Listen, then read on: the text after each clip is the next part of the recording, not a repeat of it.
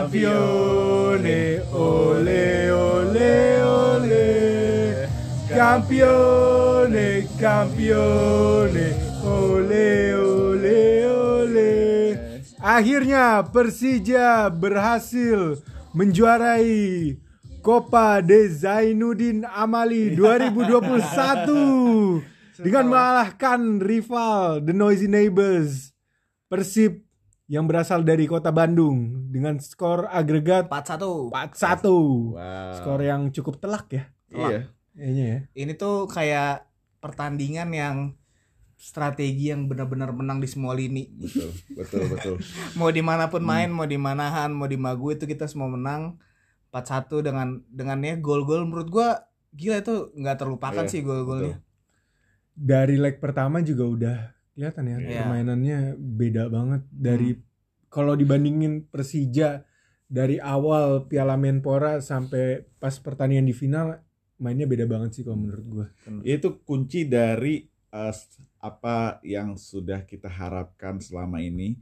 Bagaimana untuk coach Pep Guardiman mencoba Braifatari dan Taufik Hidayat dan langsung berbuah manis. Iya itu ke sebuah keberanian juga kan Iya. sebenarnya di pertandingan final candakan Simic gitu. Hmm. Terlebih eh, Taufik Hidayat belum pernah main gitu Iya, di, di di pertandingan sebelumnya Iya beda dengan Braifatari yang udah pernah dicoba beberapa menit kan. meskipun hanya bermain 10 atau 15 Iya. menit ya. Tapi menurut gua keberanian yang luar Hmm. biasa sih. Gue juga kaget loh Iya. ngeliat line up kan satu jam sebelum pertandingan anjing Taufik Hidayat loh. iya. Ini, ini, ini kita ngomongin yang leg 1 dulu ya. Hmm. Eh, di leg 1 itu itu suatu eh, opening yang eksplosif menurut gue. Ya enggak? Eh, kalau menurut lu kayak gimana kok? Betul, eh, leg 1 tuh benar-benar men- menggebrak ya, benar-benar eh, tidak sesuai dengan dugaan Iya. yang, yang kita prediksikan sebelumnya juga kan. Soalnya sebelumnya kita prediksi bahwa Persija bakal main lebih menunggu ya, Iya. kan meredam kecepatan-kecepatan penyerang-penyerang Persib waktu itu. Hmm. Tapi ternyata Hmm. di awal-awal babak pertama kita malah main ngepres Iya. abis-abisan Wah, ke depan Bahkan ya. itu kameranya aja dari drone kan itu. Iya. Tiba-tiba ada duel Nick Wiper sama Taufik Hidayat tuh di, di sisi Nah. kiri gitu. Iya. Gila gue juga anjing ini Taufik langsung ngepres gini Terus kaget. tiba-tiba ada yang teriak dapat fake. Iya, iya. Kalau kita tonton itu gue penasaran sih itu siapa yang teriak. Iya. Dapat fake terus fake, dapat fake. Iya. Iya. Kayak dipepet terus emang instruksinya tuh bener-bener digebrak abis di babak pertama ya. Itu kelihatan banget dan dan memang kita pun langsung kayak energize gitu kan. Itu Hmm. belum satu menit Iya, 30 detik. langsung sebuah goal shithousery. Gila itu. Gila. Itu kalau ada ada pendukung ya. Gila itu kalau ada penonton. sih. Gila 30 detik Wah, itu masih masih kencang-kencangnya Iya. lah suara itu. Iya, soalnya kan nyanyi pun abis kan salam-salaman main kan nyanyi masih kenceng Iya. banget kan langsung wah gila iya, itu itu nggak ada spotter aja pemain Persib kelihatan men hancur ya mentalnya Iya. kalau menurut gua dengan gol anak muda menurut Iya, gue itu salah betul. satu kagetan kekagetan Nah. yang luar biasa sih buat di pertandingan final yang yang yang ngegolin pemain muda Iya. Dan kalau itu kalau ada supporter yang bisa hadir di pertandingan itu kayaknya kalau diukur desibelnya basic tas aja kalah kayaknya. iya sih Iya, kalah Iya benar, sih? benar, apalagi benar. main di Maguwo kan Iya. Iya, minimal yang gua. yang rapet gitu bangku stadionnya dengan dengan lapangan Hmm. gitu Iya, setelah itu nggak berapa lama disusul gol kedua. iya Taufik Hidayat Lagi-lagi pemain muda yang memang golnya sangat ini ya, sangat brilian ya. Iya itu salah satu striker yang kita bilang nggak hanya sebagai target man kan Iya, betul. dia berada di luar loh bahkan Betul, itu langsung cut inside mas eh, Hmm. coming from behind langsung naruh bola pojok Dengan bola lob yang Iya, cemerlang. ah, gila. Kayak Taufik Hidayat tapi yang bulu menarik tangkis. yang menarik adalah setelah itu ya pertandingan jadi nggak menarik Betul. karena pertandingan kan dua leg ya Nah, Betul. dua leg tanpa agregat gol tandang Iya. gol kandang akhirnya ya sisanya UFC Iya. UFC. Iya memang eh, kita lihat Persija kehilangan kendali permainan di babak kedua sih jelas Mhm. total eh, Persib bisa bangkit di babak kedua dan Persija termasuk yang bisa menahan karena Persib pun eh, serangan-serangan Persib tidak terlalu membahayakan dan yang gue inget sih dari leg pertama Esteban Vizcara banyak sekali peluang-peluang yang menurut gue mungkin bisa lebih membahayakan tapi Esteban Vizcara memilih untuk nge-shoot leret gitu-gitu. Jadi gue mikirnya memang eh, Persija bisa clean sheet terbantu dengan tumpulnya lini depan Persib gitu. Tapi terlepas dari eh, kendali permainan yang dipegang Persib di babak kedua, gue sangat-sangat apresiasi, sangat-sangat seneng sih ngeliat pertahanan Persija bisa Betul, tergo- iya. terkoordinir Hmm. dengan rapih, main bertahan di Saling zona cover. sendiri, saling Hmm. cover satu sama lain. Terlebih Kayak duet duet backnya. iya, duet Iya backnya itu duet pertama kali kayaknya Iya. kita lihat ya. Jadi kayak eh, Ekspresif juga itu Maman dan Toncip Iya, ya kan. Iya, betul benar. betul. Ngejaganya Wander Luiz sama Ezra Walian yang menurut gua Iya. anjing nih Toncip sama Maman baik banget mainnya bagus Iya, banget tenang banget gitu. Iya. Dan Nofri pun Iya, yang sebelum cedera ya. sebelum cedera Iya. juga defense-nya juga bagus gitu. Mau diganti Alfat Fatir juga Alfat Fatir mainnya Iya, bagus. Betul betul. Eh, jadi itu tiga back itu orang yang punya ini ya Historical. ket- ket- keter- keterikatan dengan Bandung. kan? Iya. Dan Kayak- menariknya ya mereka nggak nggak inilah nggak canggung ya kan. Iya. Kayak kelihatan gitu. Berarti eh, tim ini tuh benar-benar paham game model yang ma- dimauin sama coach Sudirman dan Hmm. kemudian mengaplikasikannya di lapangan. Hmm. Jadi betul-betul suatu yang patut Hmm, diapresiasi sih. Iya, kalau kita eh, saat diskusikan ini di episode sebelumnya, kita kan nggak muluk-muluk ya untuk leg pertama, karena leg pertama biasanya main aman, terus Iya. Banyak suatu- UFC. ya, semoga nggak UFC gitu Hmm, aja kan. Iya, iya. Dan ketika disuguhkan dengan tempo yang sangat cepat dan energetik kayak dari awal di detik pertama itu kita merasa kenapa nggak dari kayak gini dari awal. du- dari awal gitu. Tapi menurut gua gua ngelihat juga sih ini eh, Hmm. adalah bentuk dari permainan Sudirman yang coach Sudirman yang menurut Hmm. gua ngelihat lawan juga kalau Iya, menurut iya. gua. Terutama dia di babak penyisian kan sering banget tuh mencanangkan Rico ya. Hmm. Betul. Di pertandingan kali itu Rico menurut gua luar biasa, lari Wis. sepanjang 90 menit, ngepres setiap pemain Persib yang ada yang ada bola.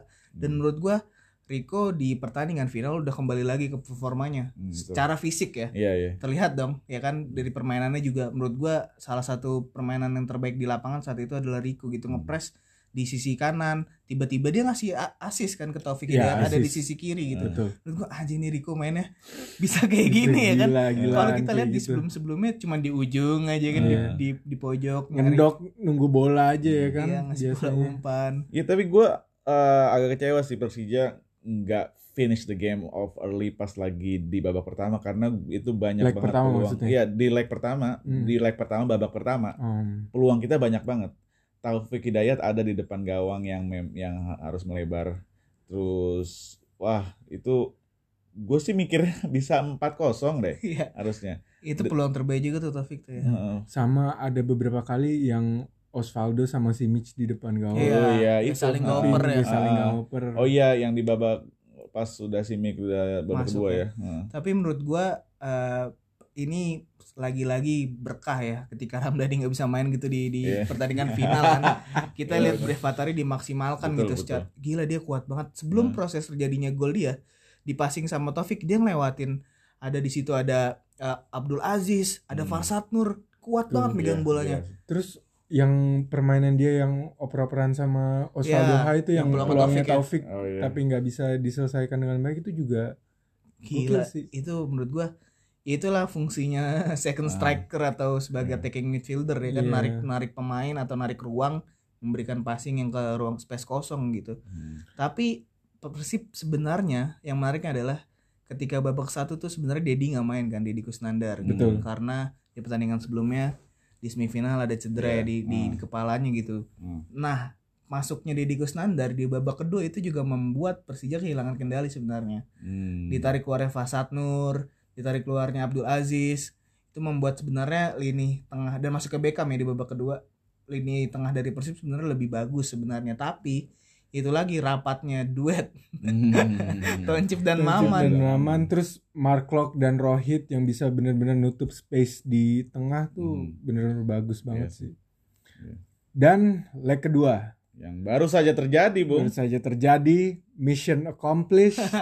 terlepas dari mission accomplished, terlepas dari skor gimana menurut lo Bam? Gila ini sebenarnya ya pertandingan yang seharusnya kalau nggak ada pandemi ini seru banget gitu. Hmm. Home away terus kita menang dua kali Hmm. di laga tandang dan di laga kandang gitu dan juga prosesnya yang kita lihat ya gila Persib ketinggalan 2-0 Iya. babak pertama malah kartu merah kartu merah Bayu Fikri gitu kan yang menurut gua tackle-nya jelas kartu merah dua dua kaki gitu kan Iya. din tackle nggak penting gitu menurut gua Iya, dan nggak perlu sih sebenarnya. Iya setelah itu gila Persija bener-bener nggak dipres sama Persib gitu Betul. ini mau segarang apa pun fansnya di sosial media atau diteriakan di mana pun gitu kalau Persibnya juga nggak mau menang gimana lihat dong Hmm. nggak dipres sama sekali babak pertama gitu Iya. Kayak kebingungan gitu ketika ada kartu merah mau ngapain ya ya kan nggak sama sekali Iya, iya. Dutra Toncip tuh passing-passingan kalau kata Diego Hmm. successfulnya sukses Successful passing full rate. passingnya Iya. gila kencang banget itu Nah, dia- Successful passingnya paling tinggi kayak di Piala Iya. Menpora tuh gara-gara pertandingan itu. Iya, iya. eh, gu- kan ada tuduhan di beberapa di di Twitter ya, ada yang Hmm. bilang kayak Per- Per- Persija nggak terlihat nggak mau main.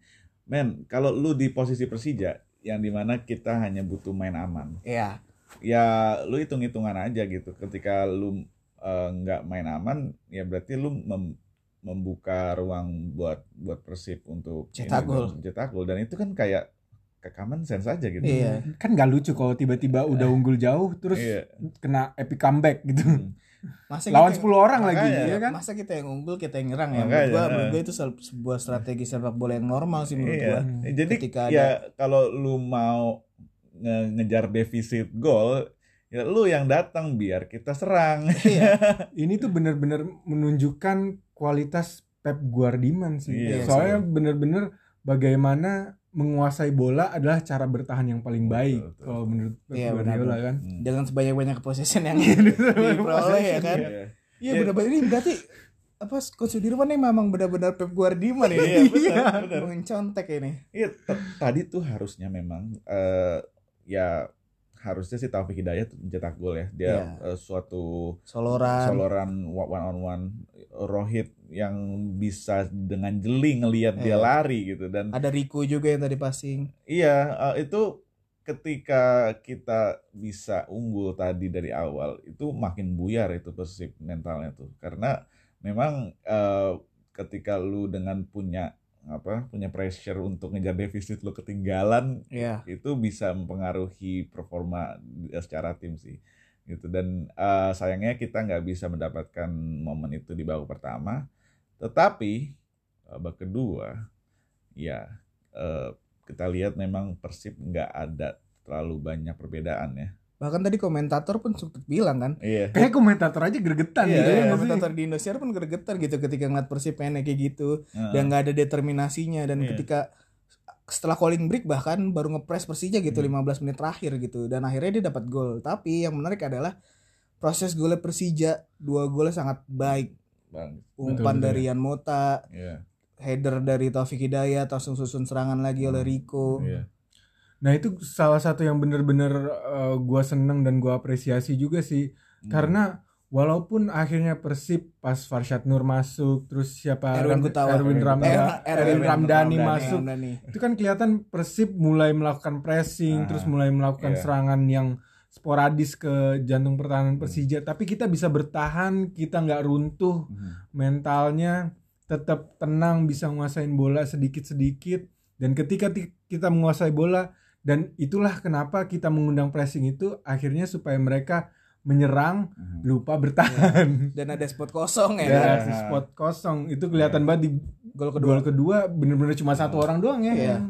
Ya gol gol pertama itu Osvaldo Hai memang dia finisher yang Sangat baik. bisa dibilang mungkin eh, ya kembali lagi kita beruntung banget punya dia. Ya, gua gua rasa emang layak sih buat jadi pemain mahal dia. Iya Hmm. dia i- itu eh, well terlepas dari asis Rico juga Hmm. bagus banget. Eh, Itu sebenarnya asis Rico dari kekacauan pemain bertahan Persib Iya, sendiri iya, yang header iya. nggak nggak jelas kan. tapi Rico kan emang suka gitu loncat-loncatan gitu. Iya. Nih Iya. duelnya adalah Adedo sama Rico. Tapi dapat bola tetap Rico loh.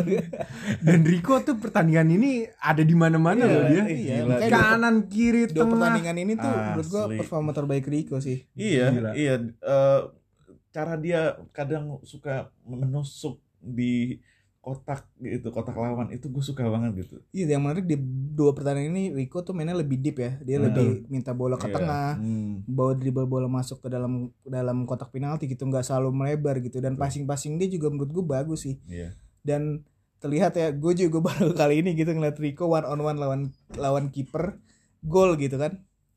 Kayaknya dia udah berevolusi dengan baik. Kayak- Soalnya Iya. dulu kan mainnya cuma nunggu di sayap, terus eh, tiba-tiba nusuk ke dalam atau langsung ngirim umpan ke dalam buat diselesaikan sama striker-striker sekarang Iya. lebih Bisa- pinter lah Lebih mainnya. nyesain sendiri ya. dan ketika dia defend Nah. dia tuh langsung memberikan seluruh badannya Iya iya, ada tadi momen Iya ya. tadi kan ada momen di mana di pojok itu Nah. dia eh, be- betul-betul membuat eh, apa nggak ada lagi ruang untuk eh, pemain Persib bisa crossing gitu itu keren sih dan gol kedua pun memang eh, memang sudah saatnya sih ketika eh, pemain Persib semua sibuk menyerang Iya. kita mendapatkan ruang Tapi kalau kita sebagai penonton sepak bola ya bukan Hmm. dari Jakarta Pandis ataupun pendukung Persib, menurut gua game final di second leg ini nggak menarik. Kenapa? Kayak karena ini final Iya. tinggalan 2-0, Aha. nggak ada gol tandang, gol Iya, kandang. betul betul betul Ya ya wajar-wajar aja terlebih eh, strategi dari Rene ya. Menurut gua Hmm. kalah telak sih sama Scott Sudirman gitu. Hmm. Dia mencoba bermain bertahan menunggu untuk bereaksi nih terhadap serangan Persija tapi Persijanya emang gak mau nyerang gitu Iya. karena unggul 2-0 Dan aneh sih menurut gue Iya. strategi kayak gitu lu menunggu saat lu Hmm. ketinggalan tuh Iya. aneh sih nggak Aneh. menggebrak. Iya, waktu terus berputar TikTok Iya. TikTok itu menurut gue salah strategi bahkan ya se- pemain Febri Haryadi menurut gue nggak ada nggak kelihatan juga Iya. karena emang dia nggak ngapa-ngapain gitu Freds Butuan masuk nggak ngapa-ngapain Hmm. ada Ezra Walian yang yang menurut gue dia hanya terlihat kamera ketika pelanggaran Iya. aja Betul. selepas itu Ah. nggak ada lagi peluang-peluang yang Iya. menarik gitu dan dan memang eh, highlight di pertandingan itu juga eh, betapa sen- sentralnya peran Mark Locke di setiap pertandingan Iya. setiap pertandingan gue nggak ngomongin kayak ini ya kayak dia ada momen enggak gue gue ngeliat emang dia konsisten dan dan memang eh, deserve sih kayak layak sih menjadi pemain terbaik turnamen gitu. ya terlebih datangnya Rohit Chan ya setelah Iya. dia menjadi Gitu. apa pemain sendirian gitu di Ah. lini tengah entah itu lah sama Sandi Sute sama Tony Tonci. Sucipto atau Ramdan Lestaluhu Mhm.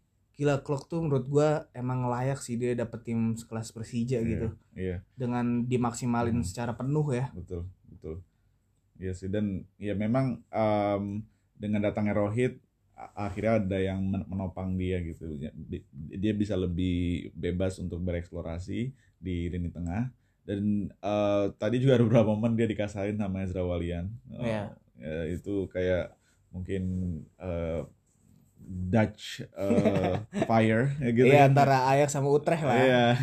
Rivalitasnya masih ke bawah-bawah sampai Iya. sini ya. iya terlebih yang menarik juga sebenarnya adalah penampilan dari eh, Marco Mota sih di pertandingan Ah. apalagi leg kedua gitu menurut Iya. gua itu salah satu gimana dia punya visi yang bagus gitu Iya, kelihatan betul. kan beberapa kali sentuhan-sentuhannya langsung membuka peluang gitu Hmm. ada hampir yang Osvaldo off- offside kan Oh iya, Oh, iya. iya. Itu yang bagus dia banget dribble masuk ke tengah. Iya. iya gitu. itu sebenarnya yang yang aduh coba liga tuh nggak ada pandemi iya, ya kan itu itu lu satu season ngeliat Marco Mota kayak gitu men. iya apalagi ada Osvaldo ya yang Iya. menurut gua Osvaldo tuh ketika nanti liga jalan menurut gua Hmm. golnya bakal banyak sih Iya. ketika si Mick buntu Hmm. itulah fungsinya gitu ya Osvaldo Hai sebagai penyerang kiri yang yang yang syutingannya bagus Betul, yang passingnya juga bagus gitu Iya.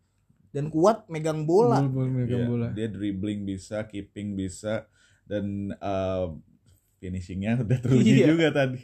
Positioning dan Positioning. visi Positioning visinya. visi bermainnya bagus banget. Mhm. tapi kalau gue ngeliat penampilannya Brevatari ya ini gue nggak tahu lu sepakat atau enggak sebenarnya kita cuman butuh Brevatari tuh main reguler sih di liga nanti Iya, sih hmm. Betul. terlepas kita nanti bakal hire atau datengin pemain playmaker di di posisi Brev ya tapi Betul. menurut gua Brev layak sih dapat menit bermain Iya. yang lebih di liga nanti Ya ketika lu bisa ngegolin di final lawan Persib ya itu udah apa ya? Udah antusiasme menggunung di di kita. gitu. Iya. Di jajaran supporter itu pasti pengen we want more brave gitu. Iya. Iya. ya kan? Nah, sekarang eh, ti- tinggal kembali lagi ke eh, ba- bagaimana nanti ki- kita memasuki liga eh, walaupun nanti ke- ke- seperti apa yang lu bilang kalau ada playmaker yang datengin kita mau ber- punya andil di dalam kerangka tim di liga Dan emang dari episode-episode sebelumnya juga kita udah Iya. ngomong ya Iya. berapa kali kenapa Brave nggak main, Nah, kenapa baru- Brave nggak main. lebih final. lebih terpilih Ramdhani gitu kan Iya. ya mungkin ada berkahnya juga gitu Ramdhani cedera atau masuki bulan Ramadan gitu kan berarti yang bukan beragama muslim jadi stamina nya lebih kuat tapi menurut gua terlebih dari itu fisiknya tekniknya Visi bermain. visi bermainnya itu jauh menurut gua Iya. Di atas rata-rata untuk pemain di usianya ya Betul. dan tadi juga akhirnya Salman Al Farid mendapatkan menit Iya. bermain meskipun hanya dua menit ya Iya. Yang selalu gua harap-harapkan di starting eleven tapi, gua. tapi ini menunjukkan berarti semua pemain yang di bawah Persija main ya iya Ya, kecuali hampir semua. kiper ya kecuali kiper sama Ricky Cahya Raka Cahya ya. Raka Cahaya juga Iya. kiper selalu posisi adik-adik sih Adiksi juga. Tapi itulah serunya dari pertandingan uh, preseason dan juga ini sebenarnya uh, awalan juga kan kita dari 2018, 2019, 2020 itu selalu masuk Iya. final. Sekarang juga Nah. 2021 masuk final gitu dan menurut gua kalaupun kerangka timnya sama ataupun nanti akan ada ada datang pelatih baru gitu Hmm. karena coach Sudirman belum ada license ya. Iya, license menurut AFC gua- Pro. Ya kerangka timnya ini udah ada gitu. Iya. Tinggal menambal menambal Mhm. posisi yang kurang kayak gitu sih menurut gua tapi menurut lu nih ya eh lu pesi- pesimis atau optimis nih dengan skuad Persija yang kayak gini untuk mengarungi Liga 1 yang akan mulai Juli nanti Gue cukup optimis sih, tapi dengan catatan ada beberapa lini emang harus ada pemain-pemain ininya, pemain-pemain cadangan yang sama kualitasnya Hmm. sama pemain-pemain inti karena liga tuh kan panjang ya. Iya. Pasti adalah pemain yang cedera, Cedera, atau pemain yang kelelahan, akumulasi kartu juga. Tapi satu hal yang pengen gue highlights di Piala Menpora ini juga kemunculan talenta-talenta muda yang merupakan produk asli dari Persija Development sendiri Ya. sih. betul Itu suatu hal yang sangat-sangat membanggakan buat gue. Iya, gue ngelihat postingan eh yang- Ganesha ya Coach Gane- Ganesha Coach ya. Ganesha gue terharu juga sih.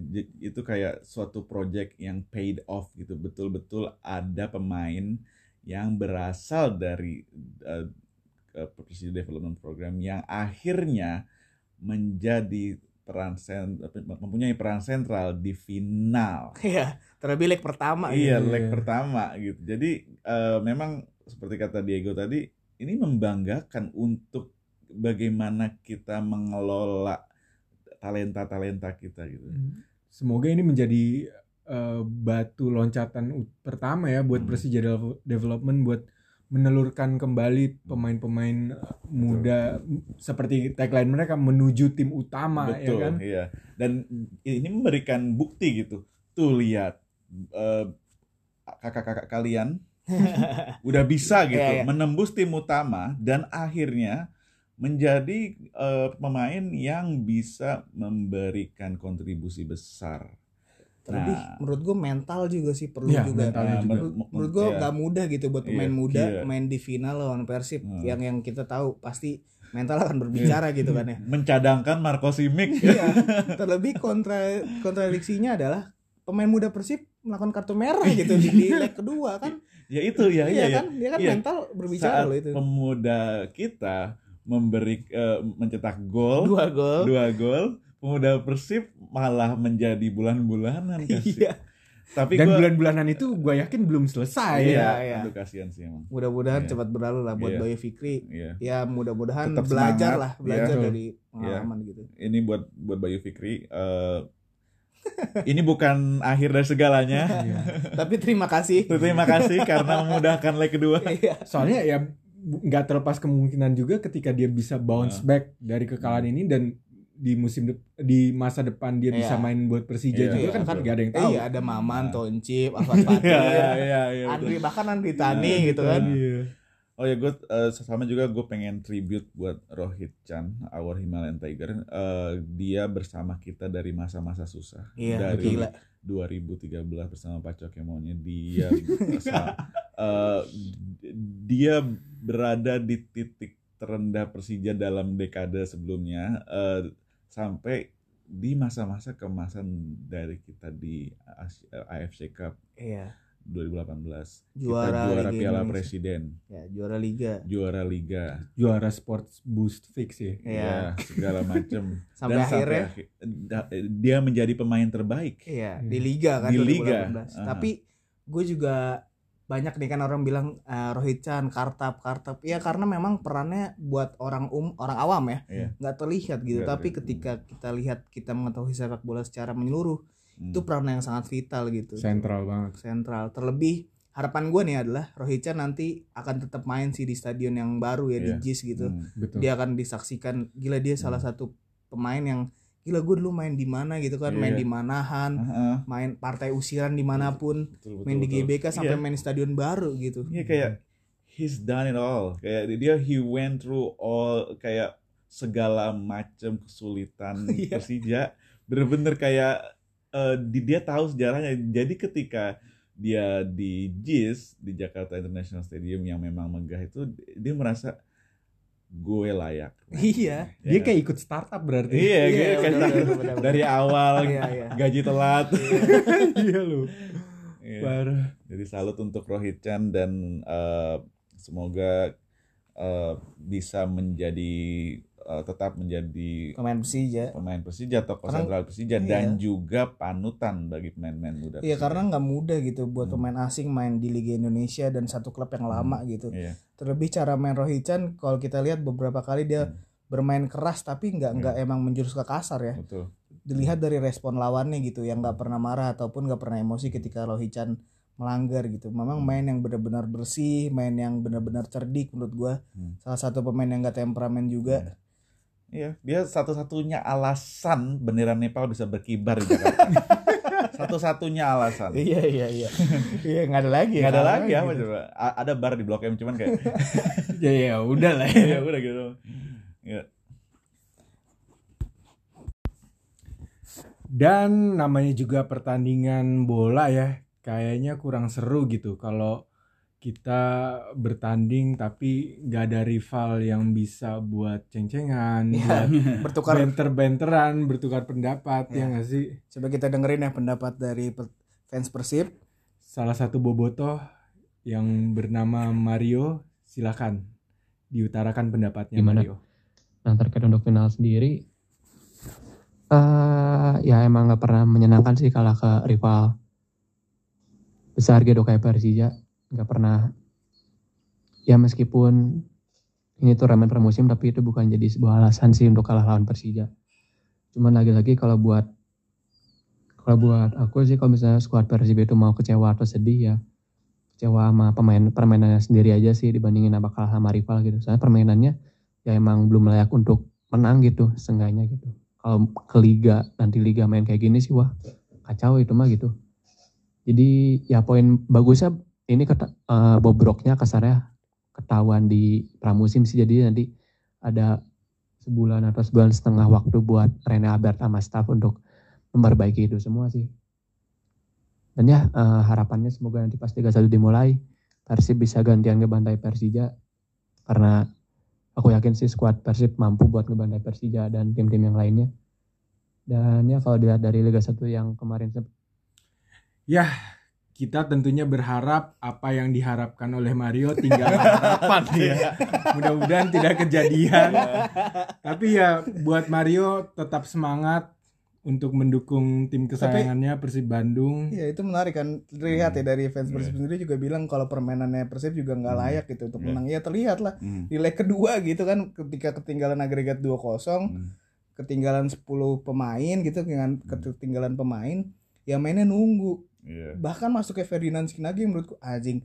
Ferdinand masuk lagi nih ya kan. Berat juga nih. Ya jadi dengan eh, pendukung Persib sendiri yang memang mengakui kalau eh, tim Persib tidak memberikan performa terbaik selama di final itu memang eh, terbukti sih di lapangan Iya. dan em, ya gue berharapnya bertolak belakang ya dengan dengan Mario. Jadi em, sepertinya untuk membantai Persija Agak sulit. setelah dikalahkan home dan away itu membutuhkan suatu revolusi yang sangat Revolusi. besar ya bagi Rene Albert. Jadi, Lebih yang yang pelatih yang dibawa adalah coach Sudirman gitu kan Hmm. yang yang menurut gua coach Rene punya berjuta Iya. pengalaman gitu di Liga Indonesia. iya gue Jauh lebih senior sih. Iya. Oh ya, dari zaman Arema. Iya, gila loh. Arema itu perfect season loh. Iya, yang Gila. 2008 2009 kan. Kita dibantai di GBK 5-1. Iya, makanya. Dan menurut gue ini adalah pertandingan yang menurut gue final kalau bukan sebagai fans Persija adalah atau fans Persib ini nggak menarik sama sekali gitu. Iya. Tapi buat fans Persija menang 4-1 Hmm. agregat lawan Persib. Ini kalau teman gue pernah bilang kayak gini nih, Hmm. nggak apa-apa gagal juara di liga gitu asal menang lawan Persib. Tapi final lawan Persib dan menang rasanya emang asik juga ya. Emang, ini jarang-jarang men. Iya. Dan mudah-mudahan aja ini juga kejadian di Liga 1 nanti Iya, ya. Yang iya. nanti insya Allah rencananya bulan Juli bakal mulai lagi. Hmm, harapannya liga dapat berjalan, kita semua bisa lagi nonton di rumah ataupun nanti ada bertahap lah ke stadion. Hmm. Harapannya juga ya mudah-mudahan lah semua Hmm. udah divaksin, Iya. semua udah bisa berjalan lagi kegiatan ekonomi yang lainnya. Harapannya liga juga izin turun dari kepolisian. Mhm. Mungkin itu aja kali ya di episode kali ini. Alhamdulillah, Ya, juara pramusim yang berkesan. sangat Sangat berkesan. berkesan. Hmm.